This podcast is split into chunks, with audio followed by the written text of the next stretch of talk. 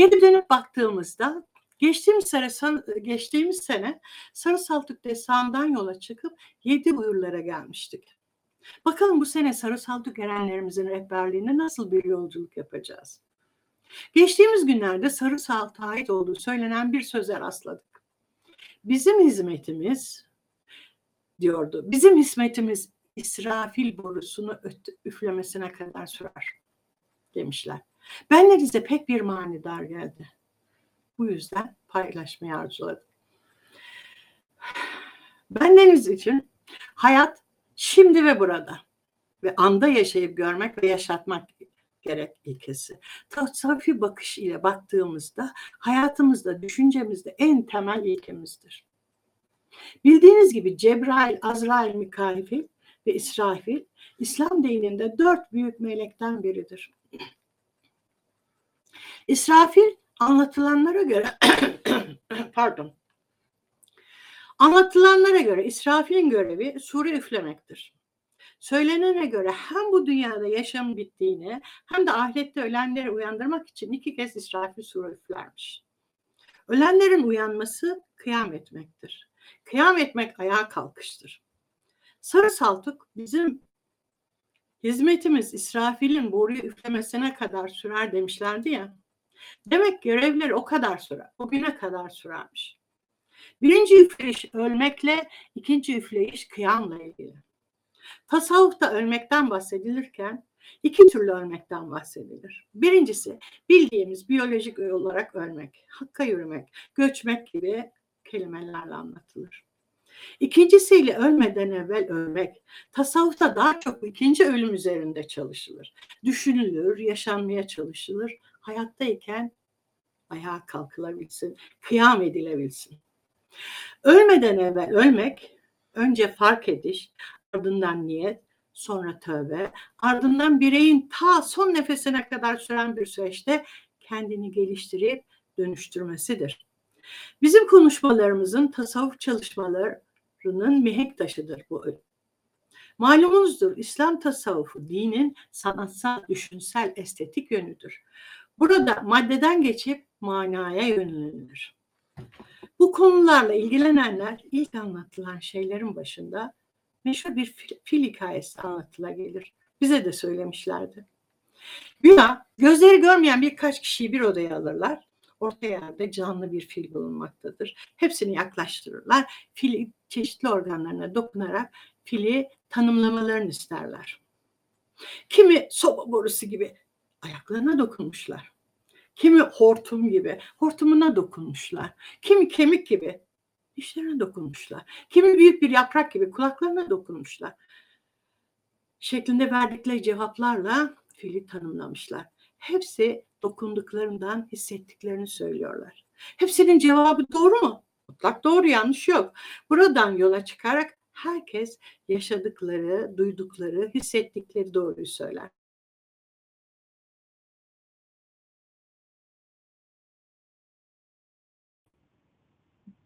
Düştü herhalde annem.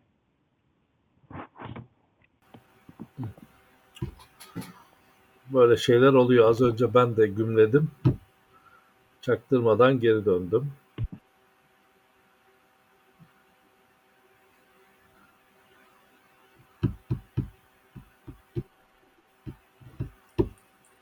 Tamam.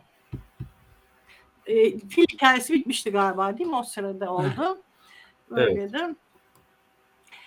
Bu yüzden herkesin düşüncesine saygılı olmak gerekir. Neticede bütün bunları birleyip fili anlamaya, bilmeye çalışılır. Bu ilk alınması gereken derslerdendir. Git gel yerle tekrar Sarı Saltuk destanına dönelim. Sarı Saltuk ejderhayı hünkârın verdiği yedi okla vurduğundan bahsetmiştik ya. Bu yedi ok için hayat, ilim, işitmek, görmek, irade, kuvvet, söylemek olduğunu söylene geldiğinden de söz etmiştik. Hatta bazı kimseler bu sayının sekiz olduğunu da söylerler demiştik. O da yaratılıştır. Bunlar bu, bu özel yedi sıfat öyle kullanılır ki ok mis- misali bir ejderhanın başlarından vurup halsiz bırakır. Bunlar aynı zamanda hem cennet hem de cehenneme yönelişin hatta giriş kapılarının anahtarlarıdır desek yeridir. Sekiz cennet, yedi cehennem kapısı tanımı da yapılmaktadır. Tam da bu konuya ilişkin kaldığımız yere yakıştığını düşündüğümüz bir yazıyı sizlerle paylaşmak istedik. Ankara'da son devrin kamil insan olarak kabul gören Hacı Ahmet Kayhan 1891-1998 kendileriyle maalesef tanışmadık. Cemal Cemal'e gelmedik. Hakkı yürümesinden sonra makamını da ziyaret etmişliğimiz oldu.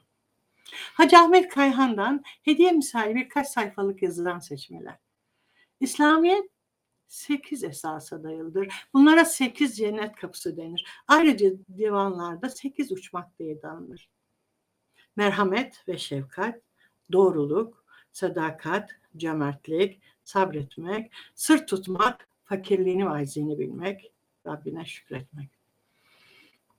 İşte bunlar olmadan her iki dünyada da huzur, mutluluk ve cennet olamaz. Bu güzel huylarla huylanan ve benliğine mal eden bir insan gereği gibi bir Müslüman ve Resulüne layık bir insan demektir. Çünkü bu güzel huy bir ahlaktır. Peygamberimiz Muhammed Mustafa sallallahu aleyhi ve sellem ve güzel huy ve sıfatlardır. Ve keza ondan da ailesine, evladına ve hesabına tecelli ederek İslamiyet'in temel unsuru haline gelmiştir. Kur'an böyle beyan ile ilan etmektedir. Bunun için İslamiyet kelime-i şehadetle, camide cennet aramakla ibadet değildir. Bunlardan biri eksik olunca insan gerçek Müslüman olmaz. Çünkü Allah'ın vahyindeki sırların sağlamlığı bunlarla ayakta kalır. Bunun için de hayatın devamı, huzur ve mutluluğu bu esaslara bağlıdır. İnsan yaşamında daima iyiye, güzele ve doğruya dayalı olmalıdır. Ölümsüzlük ve velilik bu gerçeklerle mümkündür. İşte bu yüzdendir ki yukarıdaki esaslar insanlığın ve hak yolcuların elinde daima bir ışık ve meşale olmuştur. İnsan nasıl ki karanlıkta önünü göremez ve yol alamazsa aynı şekilde yaradanına da varamaz. Cenab-ı Hak ışık olun bana gelin sırrıma erin diyerek bizlere hitap ediyor ve bizleri diliyor. İşte bu hitabın anlamını Yüce Peygamber yaptığı miracı bizlere anlatarak tanıtmak istiyor. Şu halde bu hakikat ışıkları olmadan bir cehalet karanlığında Rabbimize nasıl yolu bulup onun rızasına layık olacağız? Demek oluyor ki gerek şeriatta ve gerekse hakikatte olsun değerli olan, övülmeye layık olan huy ve sıfatlardır. Bir insan ister peygamber isterse veli olsun bu gerçeklere sahip olmadan Rabbine layık olamaz. Çünkü yüz suhuf yani sayfa dört kitabın da sırrı budur. İnsanlar ve beşeri vicdana hayat kaynağı olan neşe, huzur ve mutluluk başlayan bu sekiz esastır. Dünyada ne kadar güzel huy ve ahlak varsa hepsi bunların içindedir. Bu nedenle bunlara sekiz cennet kapısı denilmiştir. Bunlar sahip olanlar zaten bu alemdeyken cennet hayatı sürerler. Yedi tamuya gelince bu cehennem kapılarını açan huylar da şunlardır. Bir, gurur, hırs, kıskançlık, bölücülük, dedikodu, şefket, e, şehvet, öfke. İşte dünyada ne kadar kötü bir ahlak varsa onlar da bunların içindedir. Onun için her kim iyiyi, güzeli ve gerçeği kabul etmezse kişiliği ne olursa olsun ve ne kadar suret haktan görünürse görünsün onun gönlünde bunlar yatıyor demektir. İsterse başı secdeden kalkmasın. Hiçbir önemi yoktur. Gerek insanlık ve gerekse İslamiyet bu gerçeklere dayanmakla olur. Keyfine göre hareket edip benliğe kapılarak riya, gösterişe desinler diye İslamiyet olmaz. O takdirde yedi tabunun gurur ve isyan kapılarını insan kendisine açarmış. Kendisine açmış olur. Nasıl da güzel bir yalın anlatılmış. Bunların üzerine söz söylenmez gibi geldi. Rabbi yesir ve la tasir Rabbi tamin bin hayır. Rabbim kolaylaştıra, zorlaştırma. Rabbim hayırla sonuçlandır. Allah'ın cehennem tabakalarını, hallerini yaratması hep sevgisinden ve adaletinden dolayıdır. Cehennemde hep ateşten söz edilir. Ateş suyu kaynatır, buhar olur. Misali de insanda bu aşk ateşi arınır, arıtır, kötü ahlakını yok edermiş. Bütün bunlarla bilenlerle bilmeyen, yapanla yapmayan, yapmayan bir olur mu hiç? Elbet kime, neye, ne olursa olsun ezaya karşılık bir ceza mutlaka olacaktır. Bakın sizlere başka bir hak dostumuzdan cennetle ilgili tanımlamalar. Nimet cenneti bilgi sahiplerineymiş. Firdevs cenneti anlayış sahiplerine.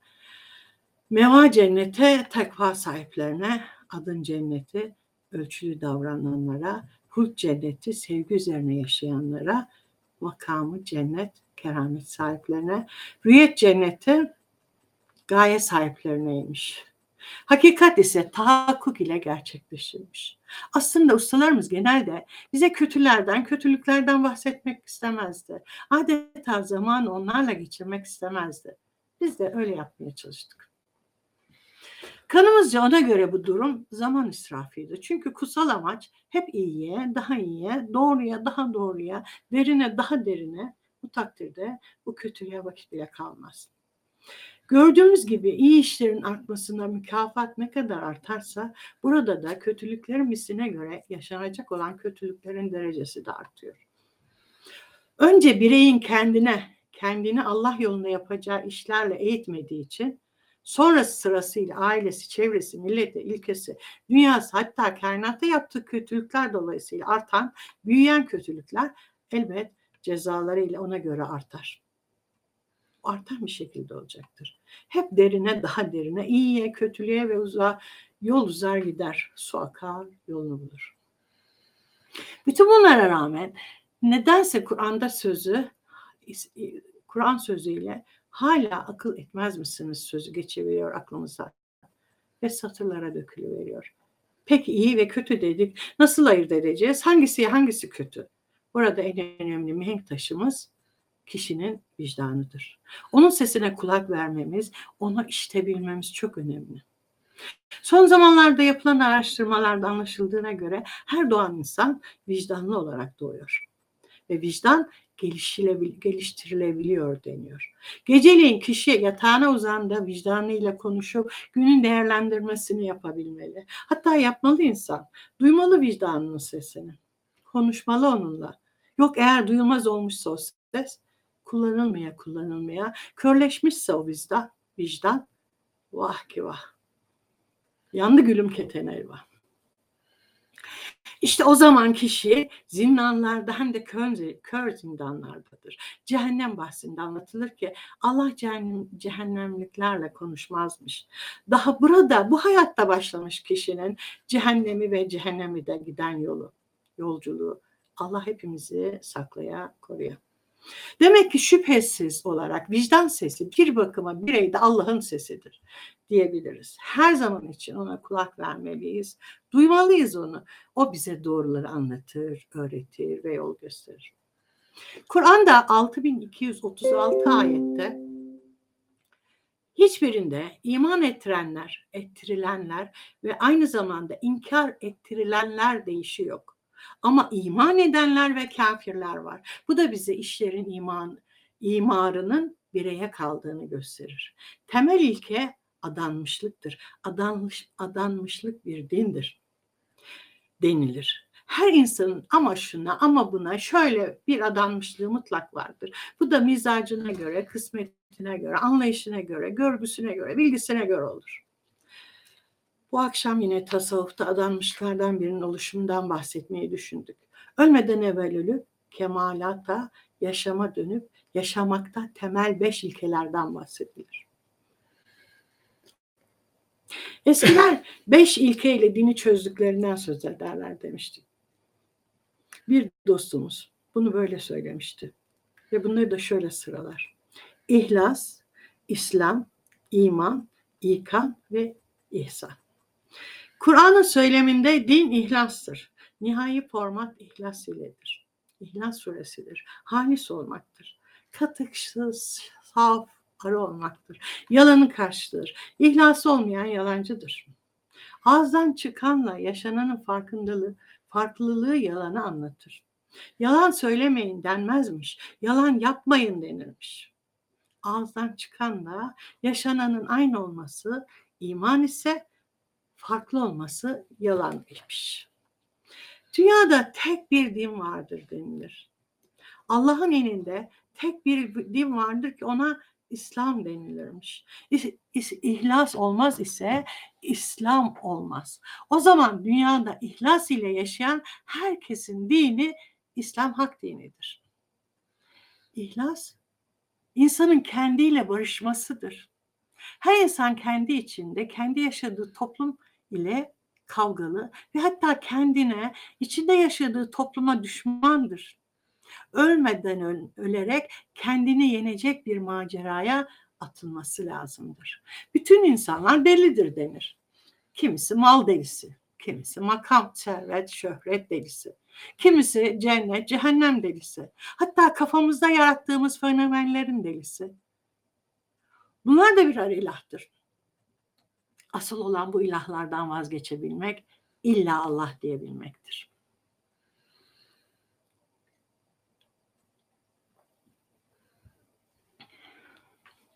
Buradaki delilik adam adam adam adanmışlıktır. Adanmışlık. İnsanın kendiyle barışması ve yine insanın toplum ile barışması, insanın iman etmesi, emin olması gereklidir denir. Hazreti Muhammed'in İslam e, isimlerinden biri de emindir. O kendinden, toplum ondan emindir. Toplumda emin olmazsan toplum olmazmış. İhlas İslam'ı doğuruyor kişide. İslam ise imanı doğuruyormuş. Kur'an'daki anlatımda Bedeviler gelir, İslam'a girerler. Biz de müminlerden, iman edenlerden olduk deyince ya Muhammed de ki ancak İslam oldunuz henüz iman kalplerinize girmiş değildir. Hucurat suresi 14. ayet denilir. İman sahiplerine korku yoktur. Demek ki imanın kalplere yerleşmesi gerekir. İmanın kalbe, kalbe yerleşmesinden bahsedildi de yine Kur'an'da kalp ile bilmekten bahsedilir. Kalp, inkılap, tekallüp, halden hale geçmek demektir. Sevinci bilmek istiyorsan sevinç duymalısın. Üzüntüyü bilmek istiyorsan üzüntü duymalısın gibi. Hakikatler akıl edilir, duyusal olarak akılla, zihinle bilinir.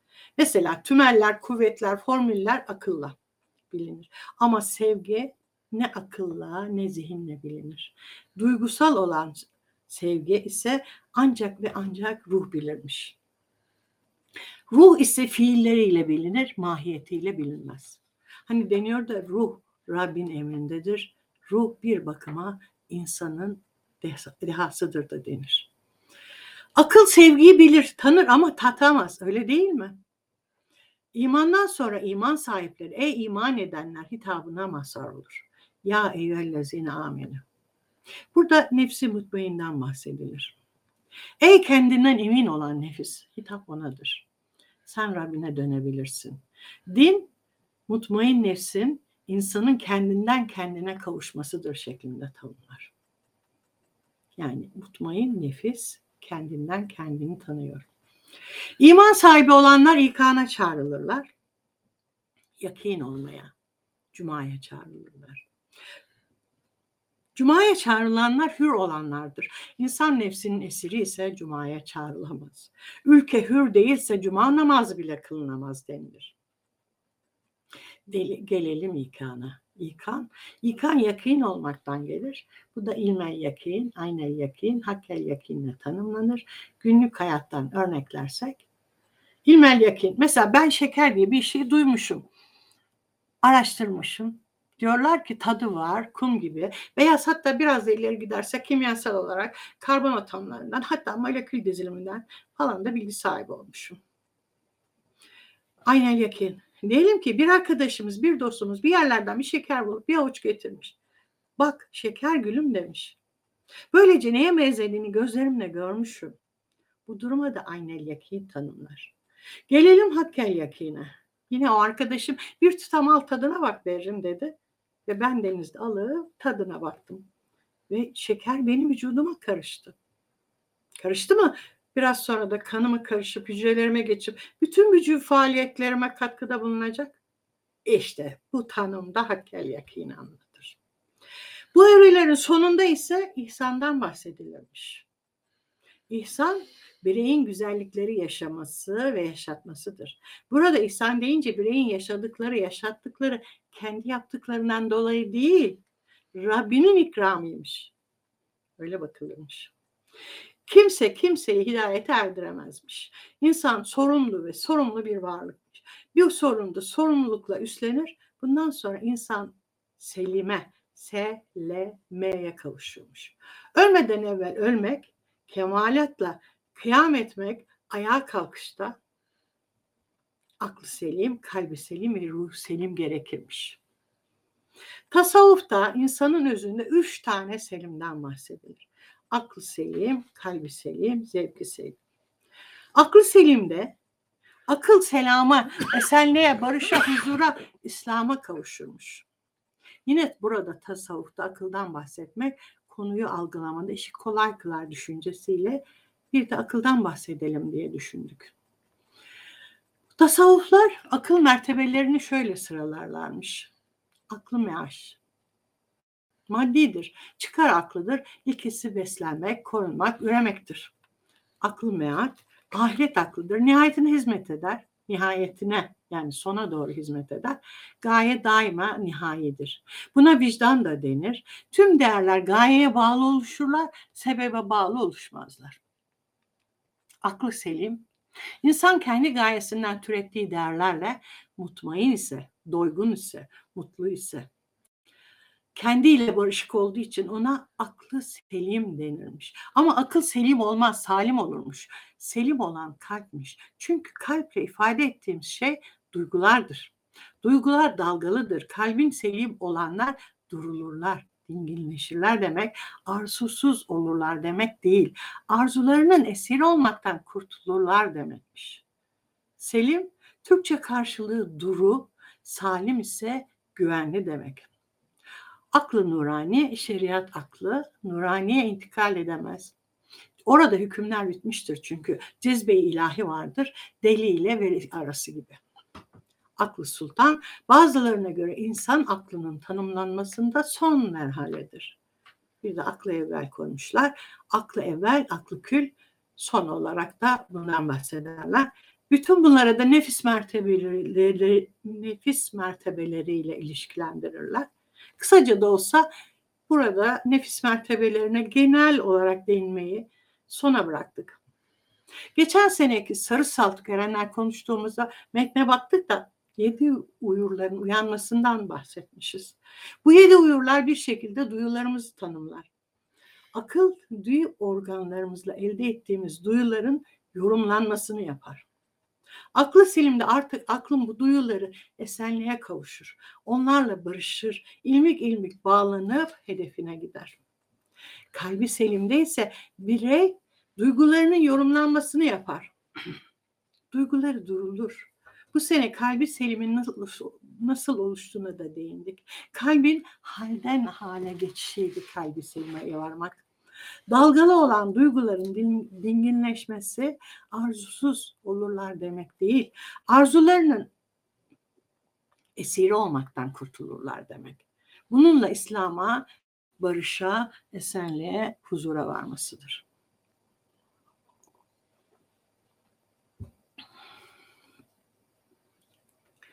Oraya kadar, varana kadar mutasavvıflar kalp mertebelerini de şöyle tanımlarlar. Sadır. Göğsümüz en dış ve geniş alan. Nefs ile ilgilidir. Kur'an'da 44 ayette geçiyormuş. İnsanın kendi dili insanın sadrını daraltırmış veya genişletirmiş derler. Daraldığınızda elinizi göğsünüze koyup ya basit okuyunca genişlik verirmiş. Doğruluk, iyilik, göğüs genişler, ferahlık olurmuş. Kalp insanın hislerinin alanı. Burayı muhabbet, geniş bakabilme, güzel ameller beslenmiş. Fuat. Bilginin, düşüncenin, basiretin, öngörünün alanıymış. Cevizin öz alanına ulaşmakmış. Lüb alanı, arınmış öz hal. İnsanın kalbinin aklı, kalp gözü. Mesela uyuyor, veya dikkatiniz başka yerdeyken kapıyı görmeseniz de odaya birinin girdiğini hissedersiniz. Uyurken gözlerimizi açıyoruz, gözlerimizi açıyoruz. Odaya biri gelmiştir. Bu da misal. Kalp gözü 3 saniye önce görülmüş. Hisseder, anlarmış. Fatır suresinde görenle görmeyen bir olmaz denilirken işte tam da bundan bahsedilir. Baş gözü ile kalp gözü arasındaki fark böyle tanımlanırmış. Nur alanıymış. Tam ortası ise noktayı Süveyda. Kara delikmiş. Yani kalbe ilahi ilhamlar doğmaya başlayınca artık gönül adını alırmış. Demin aklı selim bahsettik, kalbi selim. Şimdi de selime gelince burası ruha aitmiş. Ruh selama, esenliğe, barışa kavuşurmuş. Ruh fiilleriyle bilinir, mahiyetiyle bilinmezmiş. Bir çeşit insanın dehasıdır denir. Ruh. İle ilgili sana ruhtan sorarlar ve ruh Rabbimin emrindedir. Size ilimden yalnız az bir şey verilmiştir. İsra suresi 85 ayet. Yine tasavvufta Allah'a ulaşmanın yolundaki bu manevi seyir mertebeleri bir başka bakış açısıyla dört aşama olarak tanımlanır. Seyr illallah, Allah'a doğru seyir. Bu yol izafi, nefisten gerçek nefse gitmektir. Seyri fillah, Allah'ta seyir, Allah'ın sıfatlarıyla sıfatlanmaktır. Seyir maalullah, sey, Allah ile seyirdir. Bu yolda ikilikler, zıtlıklar ortadan kalkar. Seyir anillah, Allah'tan seyir. Bütün bu söylenenlerde akıl, kalp ve ruhtan seyir mertebelerinden bahsederken hep nefis mertebelerine gönderme yapıldığını gördük. Bunları da şöylece bir tanımlama, işi kolay kılar düşüncesiyle çok geniş anlamda bu mertebeleri şöylece birer cümleyle özetlemek istedik. Nefs envare, cehalet, cimrilik, kibir, gazap, şehvet, haset, boş şeylerle uğraşmak, başkalarına eziyet etmek. Nefsi, nefsi levame, kötülüğe ayıplayan, pişmanlık duyan, yapma etme diyen nefs. Çekişme, kahır, makam sevgisi gibi kötülüklerden kurtulma çabası. Onları tanımlarmış. Bir görüşe de bu hayat boyu insanın olgunlaşmasında bir çeşit otokontrolü tanımlarmış nefsi mülhime ilham verici, alıcı olabilenleri tanımlarmış. Mütevazi, cömert, kan, kanaatkar, sabır, güzel zan ve bu gibi. Nefsi mutbeyin tatmin, tatmin olmuş nefstir. Temizlenmiştir. Kemale ermiş, cömertlik, güler yüzlülük, zavet, tatlı dildir. Nefs-i radiye sembolü ilmel yakinliktir. Hani az evvel bahsetmiştik. Nefsi maziye sembolü aynel yakin, razı olunmuş nefistir. Daha burada tevhide giriş makamıdır. Herkese iyilik ve şefkat göstermektir. Nefsi kamile sembolü hakkel yakin. Nefsi kudret ve hikmet, yüzü huzur ve rahatlıktır. Böyle bir kimseyi görenler ona karşı sevgi ve saygı hissi duyarlarmış. Bundan sonrasında ruhun yücelmesi de altı boyut varmış. Hani sekiz kalp dedik, kalp makamlarından anlattık. Ruh dedik, zevki selim ruha aittir dedik. Burada ruh selama, barışa kavuşur. Böylece birey kendisiyle toplumda barışır, onlarla katlanabilmeyi deneyimlermiş. Sır, burada şuur başlar. Hafi, mantık başlar. Ahval, haller, halden hale geçişler ve nutuk başlarmış. Ahval tül ahva, en sağlam gizlilik bağlantısıymış. Çok yakın ilişkiymiş. Peygamberler bu mertebeden konuştuklarını söyledikleri Tanrı sözü olur. Sonuçta insanın kamilde konuşan Tanrı'dır. Onun teşekkürünü duyan yine Tanrı'dır. Bütün bunların ışığında son söz olarak yine bir ustamızın sözüyle konuşmayı hitama erdirmek istedik. Tasavvuf, iman, ümit, sevgi ve Allah'ın rızasını kazanmak üzere kurulmuş bireysel bir dini deneyim olduğu için evrenseldir. Herhangi bir zamanla sınırlı değildir. Bilim ve felsefenin üstlenmesi gereken insanın daha güçlü ve egemen olması değil, daha doğru, daha iyi ve daha güzel olmasıdır. İnsan varoluşun anlamını bilmezse tek boyutlu madde tapar olur dış yaşama anlam veren iç yaşam deneyimleridir. İşte tüm bu nedenlerden dolayı günümüzde tasavvufa her zamankinden çok gereksinim vardır. Tasavvuf, taasubun, karşıtıdır dediler. dediler. Dediler deyince bununla ilgili bir fıkrayı söylemeden geçmeyelim dedik. Köyün birinde caminin bir müezzini var. Sesi deseniz kötü demeye gönlüm vermiyor ama pek de güzel değil. Köyde bir de gayrimüslim var. Bir cans var ki sesi güzel mi güzel. Okudukları nasıl da işten yanık okuyor. Köylü toplanır şu cana bir ezan okutsak diye yıllarca düşünür durur. Bir gün bir cesaret o canı yaka paça tutup ezan okuması için minareye atarlar. O da gönlü gönülsüz bir şekilde ezan okumaya başlar. Allah Ekber, Allah Ekber dediler.